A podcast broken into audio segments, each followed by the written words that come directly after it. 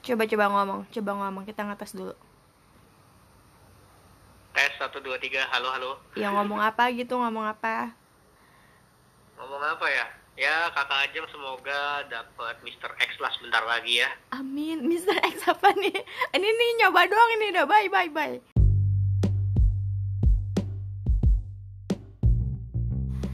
Halo, assalamualaikum warahmatullahi wabarakatuh. Kembali lagi di podcast Yes I'm Struggling bersama Ajeng di sini. Di episode kali ini akan lumayan spesial karena aku akan membawa guest eh, yaitu Nabil Sungkar, Nabi Jamal Sungkar. Kalau misalnya teman-teman udah ada yang kenal, mungkin ya udah tau lah siapa beliau ini ya. Eh, kita mulai ya. Hai Bill. Ya kakak Ajeng, Ois, gimana kabarnya? alhamdulillah baik. Eh, WFH ya, udah berapa lama WFH-nya? WFH-nya eh udah hampir satu, hampir dua bulan ya, hampir dua bulan. Hampir dua bulan ya? Oh, oke. Mm-mm. Eh, udah mulai-mulai lupa hari atau lupa tanggal nggak? Udah, ini tiap hari rasanya kayak liburan. Bahkan hari ini pun aku kira itu kan apa bukan tanggal merah ya. Ah. Ternyata tanggal merah. Hah? Nggak taunya tadi ada meet, tadi ngadain meeting coba. Oh, nggak ada meeting? ngadain meeting dan mereka tuh teman-teman juga pada nggak sadar bahwa hari ini tuh lagi tanggal merah Ya ampun. Terus siapa yang siapa yang propose meetingnya? jadi yang propose PM-nya aku nih kebetulan ada aku juga lagi kerja Hah? PM-nya ada yang senior lagi Hah? nah dia propose meeting sebenarnya tuh dia pikir hari ini juga bukan tanggal merah nah pas dia propose dan kita join semua di via Microsoft Teams Mm-mm. terus baru tuh kita baru nge oh ya hari ini hari buruh ya harusnya nih kita libur gitu kan Eh bukan ya kemarin sempat mention masalah tanggal merah ya justru aku kan kemarin bilang nggak tahu nih kapan tanggal merah ya nggak sih? Iya, cuman biasa lah kita tuh kalau udah habis sahur gitu ya, Hmm. kita pikir kan besoknya kerja lagi gitu, karena udah WFH tuh tiap hari rasanya kayak kerja gitu. Hmm. Kita udah nggak ngerti yang namanya weekend, nggak ngerti yang namanya hari kerja, bahkan tanggal merah pun kita nggak tahu. Oke, jadi kayak 24 jam kali ya kerjanya sekarang ya. Ya kayak 24 jam ya kita standby terus lah. Hmm, oke oke. Oh ya, lupa beluman ini nih introduction. Siapa sih ini lagi ngomong sama siapa ya? Oh iya, perkenalin nama gue Nabil Jamal Sungkar. Hmm. Gue ini sebenarnya temen Ajeng dari zaman kuliah. Oh, kuliah, oke. Terus Iya, mana Ajeng. Cuma kita beda jurusan Ajeng ya. Oh iya, oh, beda jurusan. Nah, kalau gue kan jurusan manajemen informatika Ya, Nah, aku terus- teknik komputer. Ya, dan terus? kebetulan aja gitu. Dulu di dunia kerja Ajeng itu kan role sebagai ibu PM ya, ibu project manager. Hmm. Nah, gue juga gue juga sempat berapa berada di project manager juga masih junior level dan sekarang sih posisinya tuh ngerangkap ya lebih tepatnya. Project manager iya, terus bisnis analis juga iya, tapi bisnis analisnya yang seniornya lah gitu. Oke. Jadi eh ini udah selesai belum introduction nih? Introduction ya cukup lah itu aja. Emang mau ditanya apa lagi nih? Single apa Oke, enggak gitu? single apa enggak nih? Barangkali eh, ada audiens yang single juga kan bisa kontak-kontakan. Jadi, em, itu gajinya rangkap juga nggak nih? BA juga, PM juga. Hmm, kalau gaji ya negotiable ya kakak ya. Cuma kalau kalau apa ya kalau di perusahaan gua itu kebetulan karena kita kan konsultannya belum begitu besar ya. Ah, Jadi gajinya ya standar lah. Tapi di atas UMR itu pasti. oh iya pasti dong, masa sih? Hmm, Cuma ini kita di kantor tuh lagi pada ketar-ketir kakak karena kenapa? Ya satu ini kan kita bisnis IT konsultan ya. Mm-mm. Sebenarnya kita kalau secara pekerjaan work from home itu nggak masalah bagi kita. Iya benar. Cuma permasalahannya itu adalah perputaran uangnya. Jadi cash flow yang ada di kantor itu kan biasanya bergantung pada project yang kita apa namanya kita jalani. Mm-mm. Nah kebetulan tuh selama apa namanya selama ini periode WFH ini itu klien-klien kita tuh banyak yang nge-hold tender-tender yang udah kita ajuin gitu loh. Oke. Eh, tapi kalau untuk yang udah berjalan gimana tuh? Eh, Di hold Nah, juga atau alam- gimana? Alhamdulillah sih yang udah berjalan masih jalan terus ini. Cuma eh, kan ada beberapa yang tipe projectnya itu pakai sprint ya, yang Mm-mm. metodenya dengan agile tuh.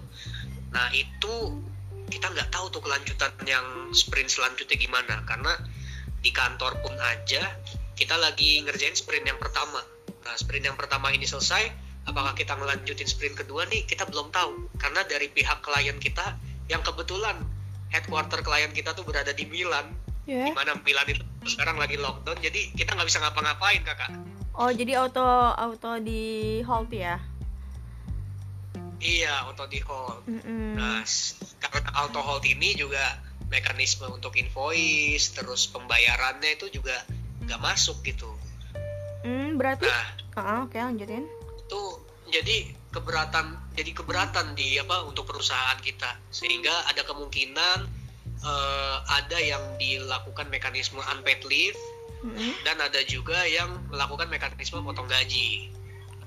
Oh, jadi emang sebagian ada yang unpaid leave, ada yang potong gaji, tapi ada yang sebagian yang full atau gimana?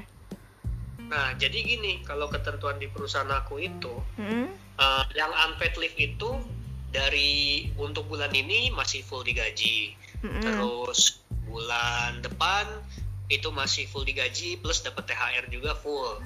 Mm-mm. Nah, tapi mulai per 1 Juni ya sementara dia harus unpaid leave dulu karena eh, dari segi finance tuh nggak bisa untuk menggaji karyawannya gitu.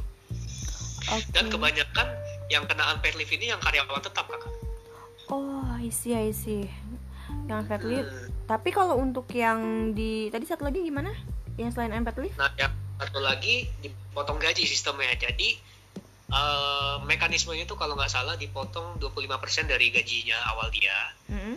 Terus eh, dia tetap bekerja, Ya. dia tetap bekerja, tapi nanti kerjanya itu nggak setiap hari. Kalau kita kan hari kerja itu kan lima hari ya, dari Mhm. Senin sampai Jumat gitu. Ya.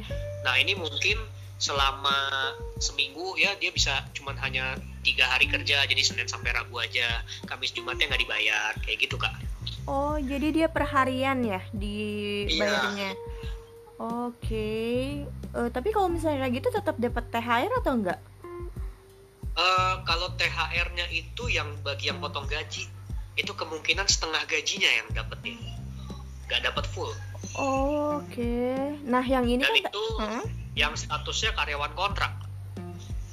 Oh, I see, I see. Jadi kalau misalnya dia karyawan tetap, dia di unpaid leave, tapi semuanya masih dapat gaji untuk eh, bulan ke depannya lagi dan plus masih dapat THR. Tapi kalau untuk yang kontrak itu eh, selang-seling harinya dia nggak seluruhnya dibayar dan juga untuk THR kemungkinan akan setengah eh, persen ya dari THR yang eh, sebenarnya gitu ya. Iya betul seperti Hmm. itu. Oke, tapi dari dari teman-teman sendiri nih mungkin ada keluhan-keluhan apa yang gitu. Karena kan e, mungkin kalau untuk diri sendiri ada beberapa yang memang e, bersyukur nih masih masih digaji aja tuh bersyukur gitu. Tapi kan e, kadang memikirkan memikirkan perusahaan juga ya namanya juga perusahaan lagi tidak ada pemasukan. Kita kan maksudnya ya mau gimana lagi gitu ya. Nah, terus tapi Iya. sebenarnya dari diri sendiri tuh ada ada ini nggak maksudnya ada ti- tips gimana sih supaya kita itu eh, harus tetap bersyukur dan memang harus eh, loyal sama si company ini ya gitu. Oke, kalau dari aku ya kakak ya, Mhm. itu untuk tipsnya adalah gini. Ma, ma- apa ya, maupun kita misalkan kena unpaid leave atau kita dipotong gajinya, Hmm, tetap kita kerja sesuai dengan tanggung jawab kita. Itu yang paling utama. Oke. Jadi selesaikan dulu tanggung jawab kita. Lalu urusan keduanya adalah eh, bagaimana kita juga bisa nih mensupport un- agar perusahaan itu bisa bangkit lagi. Nah, Ya. hmm, ini caranya ada macam-macam kak. Jadi kebetulan tuh biasanya kalau di kantor-kantor konsultan, mungkin yang konsultan kayak tempat gua ini, hmm, itu kan kita men- dicarikan project oleh marketing project kita. hmm, Nah, mungkin ini opportunity kita juga kak. Jadi buat menawarkan, semisal kebetulan di konsul apa di kantor konsultan saya ini, hmm, itu kita jual produk juga, produk yang udah jadi gitu ya kak ya. hmm, Jadi kita nggak hanya based on project aja kantor kita. Nah, produk-produknya ini yang kita pasarin ke teman-teman atau ke klien-klien lain yang mungkin mau beli. Jadi sistemnya itu kita beli produk langsung tanpa ada tanpa ada semacam kayak maintenance setiap tahun gitu oh oke okay. dan itu karena dan itu udah udah dijalanin atau belum so far sih lagi melakukan pemasaran kita ya oh, okay. karena kan itu nggak nggak mudah juga nih mm-hmm. ya tapi kalau misalkan insya Allah satu klien aja goal untuk membeli produk itu mm-hmm. uh, aku yakin perusahaan masih bisa survive lah ya mudah-mudahan ya uh, tadi uh, Iya. mention mention untuk yang marketing uh, untuk marketing sendiri itu ada targeting eh maksudnya target yang biasanya berapa gitu ada penu- eh, diturunin nggak targetnya atau gimana soalnya kan penjualan kan tergantung marketnya mas sales ya betul. Jadi kalau untuk marketing kebetulan banget nih baru kemarin marketingnya tuh curhat sama aku kak. Kenapa? Jadi- iya kebetulan banget. Dia cerita ya waktu sebelum covid ini kan targetnya luar biasa banyak ya. Mm-mm. minimal berapa lah sekian gitu Ya, ya Kalau I see, angkanya juga enak gitu. Nah kalau sekarang diturunin sih memang diturunin. Mm. cuma untuk jumlah apa namanya eh, kalau harganya sih udah nggak masalah lah kalau diturunin. Tapi kalau jumlah misalkan jumlah produk yang harus dijual tuh tetap angkanya tetap fix. Oh oke. Gitu. Jadi kalau misalnya penjualan harus 10 produk ya tetap 10 produk. Cuma a- apa harga si produk itu diturunin misalnya dari 1000 Betul. jadi 800 misalnya kayak gitu ya. Ya betul kayak Hmm, gitu. oke. Tapi Jadi, tapi dalam kondisi pandemi kayak gini itu masih possible nggak menjual seperti itu? Eh, kalau menurut aku sih masih possible ya karena kan ada sektor-sektor usaha tuh yang masih jalan saat ini kan contohnya Oh, kayak farmasi Ahaha. Nah, jadi misalnya semisal dia mau beli produk dari kantor kita yang menurut mereka tuh juga berguna buat mereka, Hmm. ya kita bisa nawarin. Nah, kebetulan eh, produk kita tuh yang unggulannya adalah sistem penyimpanan dokumen lah istilahnya, atau namanya dokumen manajemen system. Mm, mm, mm. Jadi di kita itu gini kak, sekarang ini kan orang banyak yang tiap kantor itu kan punya arsip-arsip perusahaan ya. Arsip perusahaan itu kan dia bentuknya hard copy, sedangkan dia kadang lupa di scan atau apa. Nah kita punya satu produk Mm-mm. itu yang bisa ngebaca hard copy hard copy-nya mereka itu, terus nanti kita bisa atur nih file ini nanti taruhnya di rak mana. Jadi ketika kita udah mengkonfigurasi seluruh dokumen-dokumen hard copy tersebut, nanti nih misalnya perusahaan tersebut mau nyari-nyari file lagi, dia tinggal nyari dari aplikasi kita. Mm. Kalau dia mau ngeliat di rak ini ya dia tinggal ke rak itu gitu. Jadi udah ke tracking sama kita. Oke, otomatis ya. Jadi nggak usah nyari Iya. ke mana-mana kayak gitu kan? Oh, Heeh, oke. biasanya kan mesti minta dicariin sama petugas gitu kan. Nah Mhm. ini kalau kita lebih baik ya kita searching aja dari kita dari aplikasi itu. Nanti kita tinggal datang ke tempat arsipannya, arsipannya gitu. Hmm, iya ya. Jadi mempermudah untuk ad- administrasi ya. Betul. Oke, look good. Terus ada yang mau disampaikan lagi nggak kak? Maksudnya eh, dari situasi kayak gini untuk eh, untuk WFH sendiri nih ya, apakah eh, sebenarnya apakah menjadi lebih produktif atau enggak? Karena kan sebenarnya kan kita nggak usah keluar rumah, nggak usah ke mana-mana gitu kan, meeting juga kan bisa secara daring kan.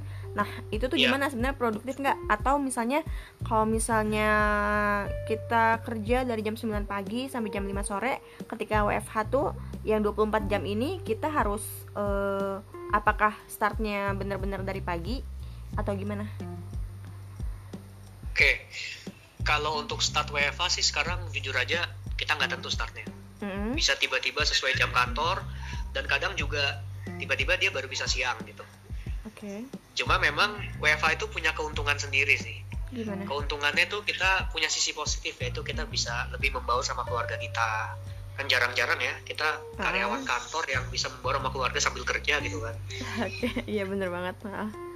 Terus yang kedua tuh ada sisi positifnya juga bahwa di sini tuh kita juga ditantang, dikasih challenge bahwa kita itu harus bisa menghemat dengan situasi dengan ada situasi ini kita tuh harus bisa menghemat kos kita. Terutama kos kita juga perjalanan ke kantor kan pasti kurang banget kan karena kita di rumah aja. Hmm.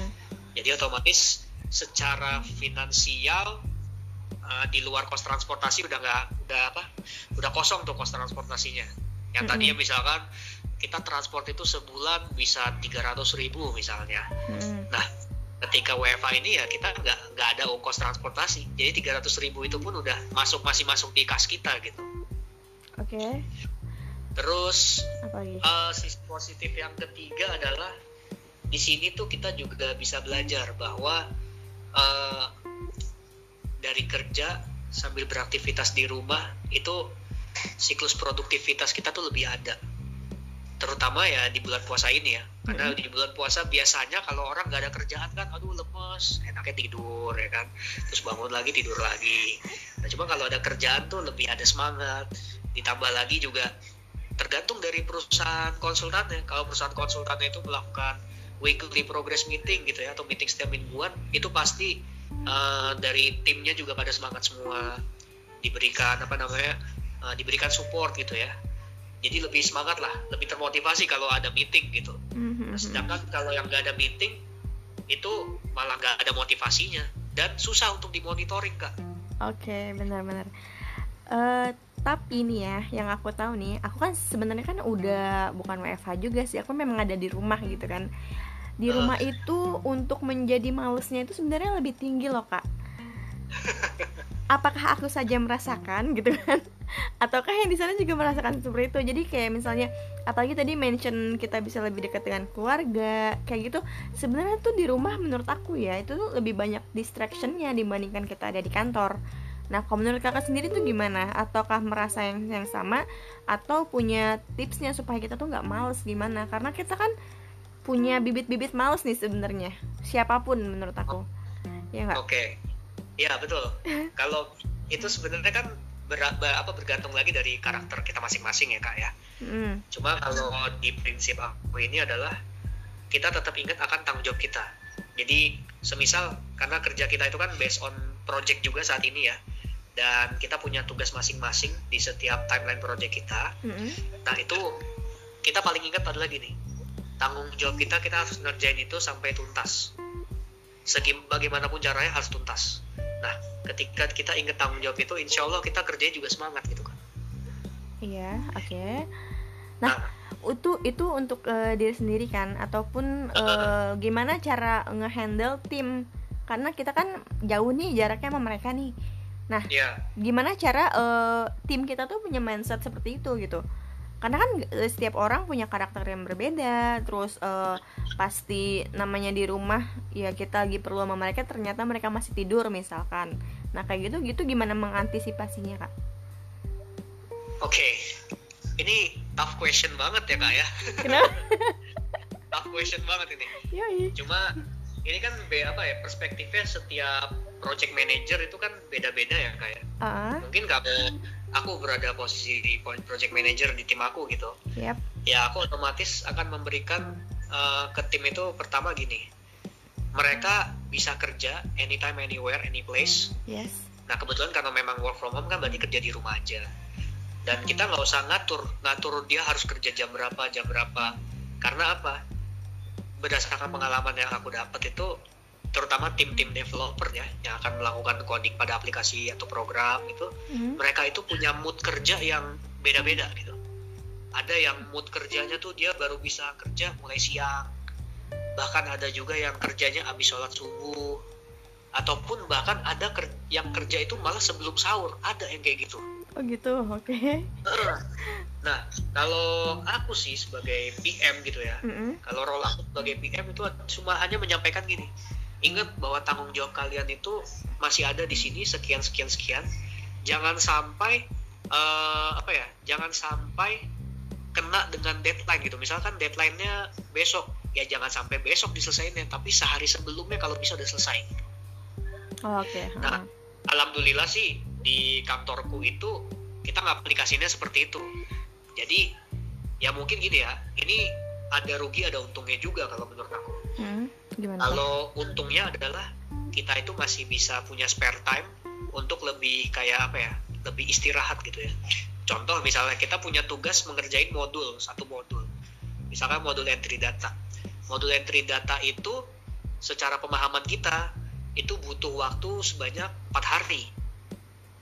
Nah cuma kita sebagai PM itu kita harus memikirkan bahwa kita nggak bisa ngasih tahu ke developer kita itu empat hari kita bilangnya jangan empat hari tapi lebih dari empat hari iya pasti ya uh, hmm. supaya dia juga tahu nih oh saya dikasih buffer hari apa buffer main days hmm. itu berarti saya dikasih waktu buat istirahat berapa hari gitu nah alhamdulillahnya adalah ketika menjalankan project dengan cara seperti itu tim developer kita juga tidak kewalahan untungnya oke okay. udah emang memang Jadi memang mereka, udah terbiasa ya kayak gitu ya udah terbiasa apalagi juga developer itu kalau work from home udah mereka mereka bilangnya sih ke kita itu nyaman banget tapi kalau di posisi project manager mm-hmm. itu nggak nyamannya ketika kita melakukan present present ke klien untuk progres progres development kita udah nyampe berapa.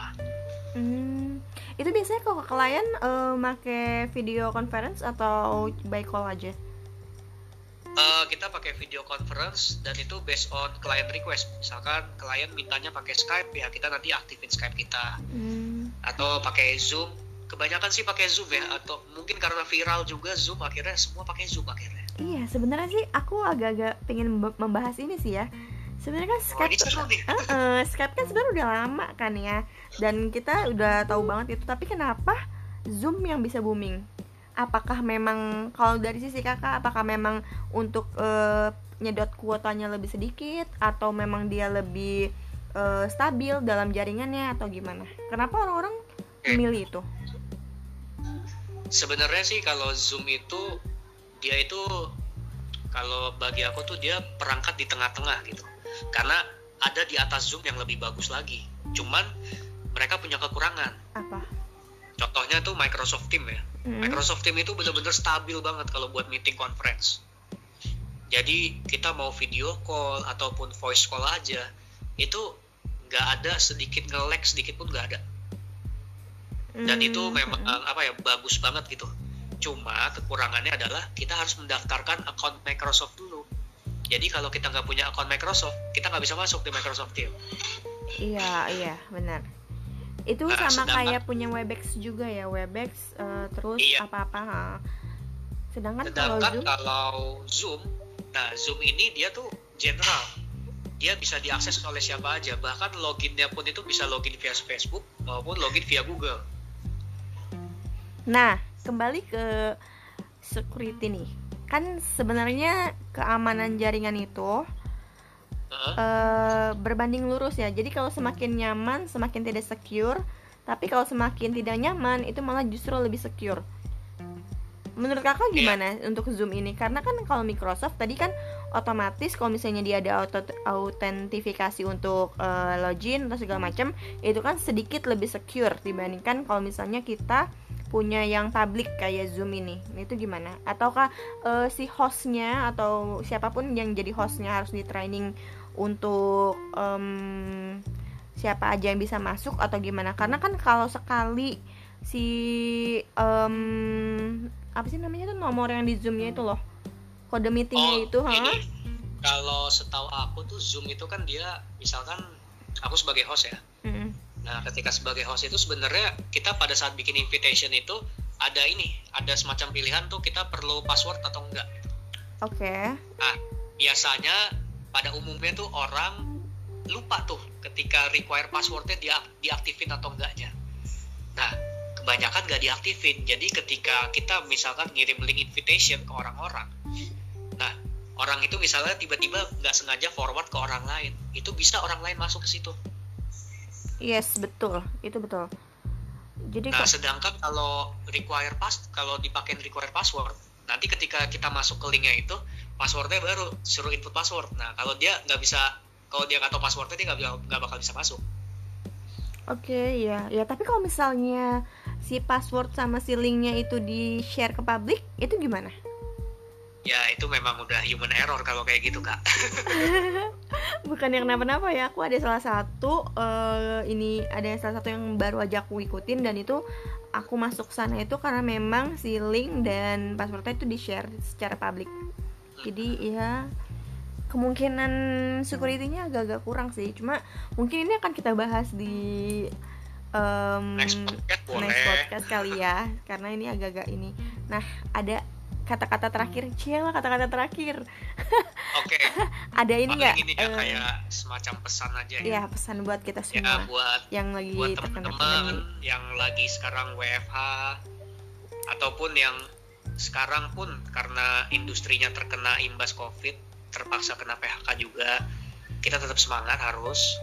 Terus yang kedua jangan takut akan kehilangan pekerjaan karena gini uh, apa namanya covid ini kan nggak nggak apa namanya nggak nggak full ya. Jadi sementara aja kan ini hanya nu hanya apa datang wabah ini tuh sementara. Dan insya Allah ini bisa dihilangkan kok. Amin amin. Asal asal kita selalu mengikuti anjuran pemerintah. Intinya di rumah aja. Betul. Kita juga tahu banyak yang sektor-sektor yang pekerja informal itu kan juga mereka nggak bisa diam di rumah. Ya nggak apa-apa. Yang nggak bisa diam di rumah yang informalnya saja. Tapi yang udah udah tahu harus di apa diam di rumah ya di rumah aja. Dan kalau memang kerja bisa di rumah ya kenapa tidak gitu kan kak? Iya betul banget. Betul sekali. Lalu yang yang kedua itu mengenai ya tadi mengenai salary. Kita kan nggak tahu ya perusahaan kita tuh apakah kondisinya sekarang baik atau enggak jadi hmm. kalau menurut aku di mana ketika kondisi perusahaan yang paling utama misalkan lagi buruk mm. ya kita juga harus membantu untuk support ke mereka. Jangan kita hanya meminta kok gaji kita kurang? Kok gaji kita dipotong? Tapi kita juga harus memberikan ke mereka yang terbaik. Dengan memberikan yang mereka mereka yang terbaik aku yakin nanti perusahaan juga bakal bisa survive. Ya jadi kita saling support ya. Saling support aja. Karena ini wabah bisa kok hilang. Insya Allah hilang asal kitanya juga patuh pada anjuran kitanya juga tetap menjaga kesehatan. Ya jangan ke mana-mana dulu jangan keluyuran. Kalau mau pergi pun ya pakai masker dan jangan lupa cuci tangan kak. Oke siap siap laksanakan iya dong harus itu siap ah ada lagi ya paling pesan aku itu aja ya kayak karena jujur aja banyak teman-teman aku tuh yang dari tenaga medis itu pada curhat loh Iya pastilah. Curhatnya tuh iya terkait ini kok contohnya di Jakarta lah. Jakarta udah PSBB kok masih rame aja gitu jalanan. Walaupun gedung perkantoran tuh kosong. Cuman jalanan mobil lalu lalang bahkan orang aja tuh di kayak semacam terminal kecil ya bukan terminal bus ya terminal terminal kecil yang buat transit aja tuh masih rame gitu. Iya pasti. Itu itu orang yang apa ya harusnya dengerin anjuran pemerintah bahwa di rumah aja tuh bisa menekan angka kasusnya. Jadi supaya apa? Supaya tenaga medis juga gak kewalahan gitu ya. Karena jujur aja hampir semua tenaga medis yang merupakan teman-teman aku juga ada beberapa hmm. itu mereka curhatnya tuh gini kenapa sih orang-orang tuh pada nggak mau diem di rumah sebenarnya diem di rumah sebenarnya kalau sebenarnya kalau menurut mereka itu kalau semua rakyat Indonesia itu diem di rumah selama dua minggu itu insya Allah angka COVID-nya itu nggak bertambah, justru akan merata aja udah. Dan itu berhenti di situ. Karena memang virusnya itu bertahan dua minggu dalam tubuh manusia. Hmm, Oke, okay. tapi sebenarnya sih begini sih kak, uh, kalau misalnya ya, mungkin kalau misalnya karyawan-karyawan um, yang masih agak beruntung dan hmm. punya pemasukan, meskipun pemasukannya mungkin hanya setengahnya, mereka masih hmm. bisa uh, dua minggu tuh di rumah tapi kalau misalnya buat orang-orang yang memang untuk uh, makan aja mungkin susah itu mereka harus hmm. harus tetap tetap mencari nafkah keluar meskipun untuk yang membeli atau yang membutuhkan jasa mereka tuh lagi ada di rumah ya tapi tetap mereka tuh harus iya. keluar. Jadi mungkin uh, gimana ya itu agak-agak ini juga ya aku sih ngerti sih. Maksudnya um, kita tuh harus di rumah. Tapi ada orang yang kalau di rumah aja tuh justru um, apa gak ya? gitu iya nggak ada penghasilan. Jadi fifty uh, fifty loh. Kita kena maksudnya mereka tuh bakalan mungkin pemikiran mereka tuh begini gue mau di rumah aja. Gue tuh cara mati gue tuh ada dua gitu. Mau mati kena corona atau mau mati kelaparan.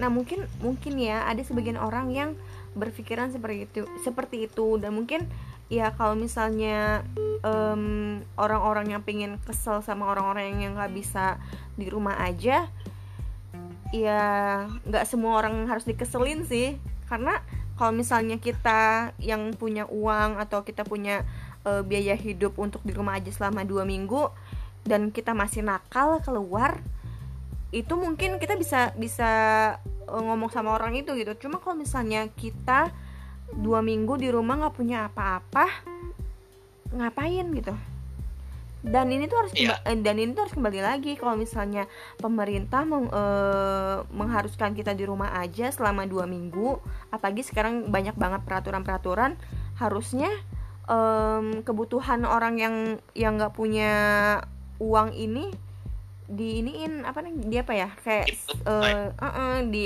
diperhatikan gitu. Mereka tuh nggak bisa cuma di rumah aja. Mereka tuh nggak nggak makan kalau cuma di rumah aja kayak gitu. Jadi kalau emang betul. punya kalau memang punya kebijakan harus di rumah aja perhatikan orang-orang yang menengah ke bawah. Karena mereka nggak bisa eh, itu nggak nggak misalnya nggak semua orang bisa cuma di rumah aja kayak gitu. Dan harus harusnya sih menurut aku ya kalau misalnya pemerintah ada dana ya dananya untuk orang-orang yang tersebut gitu nggak apa-apa kalau misalnya Harusnya begitu memang. Mm-mm, tapi kan nggak begitu.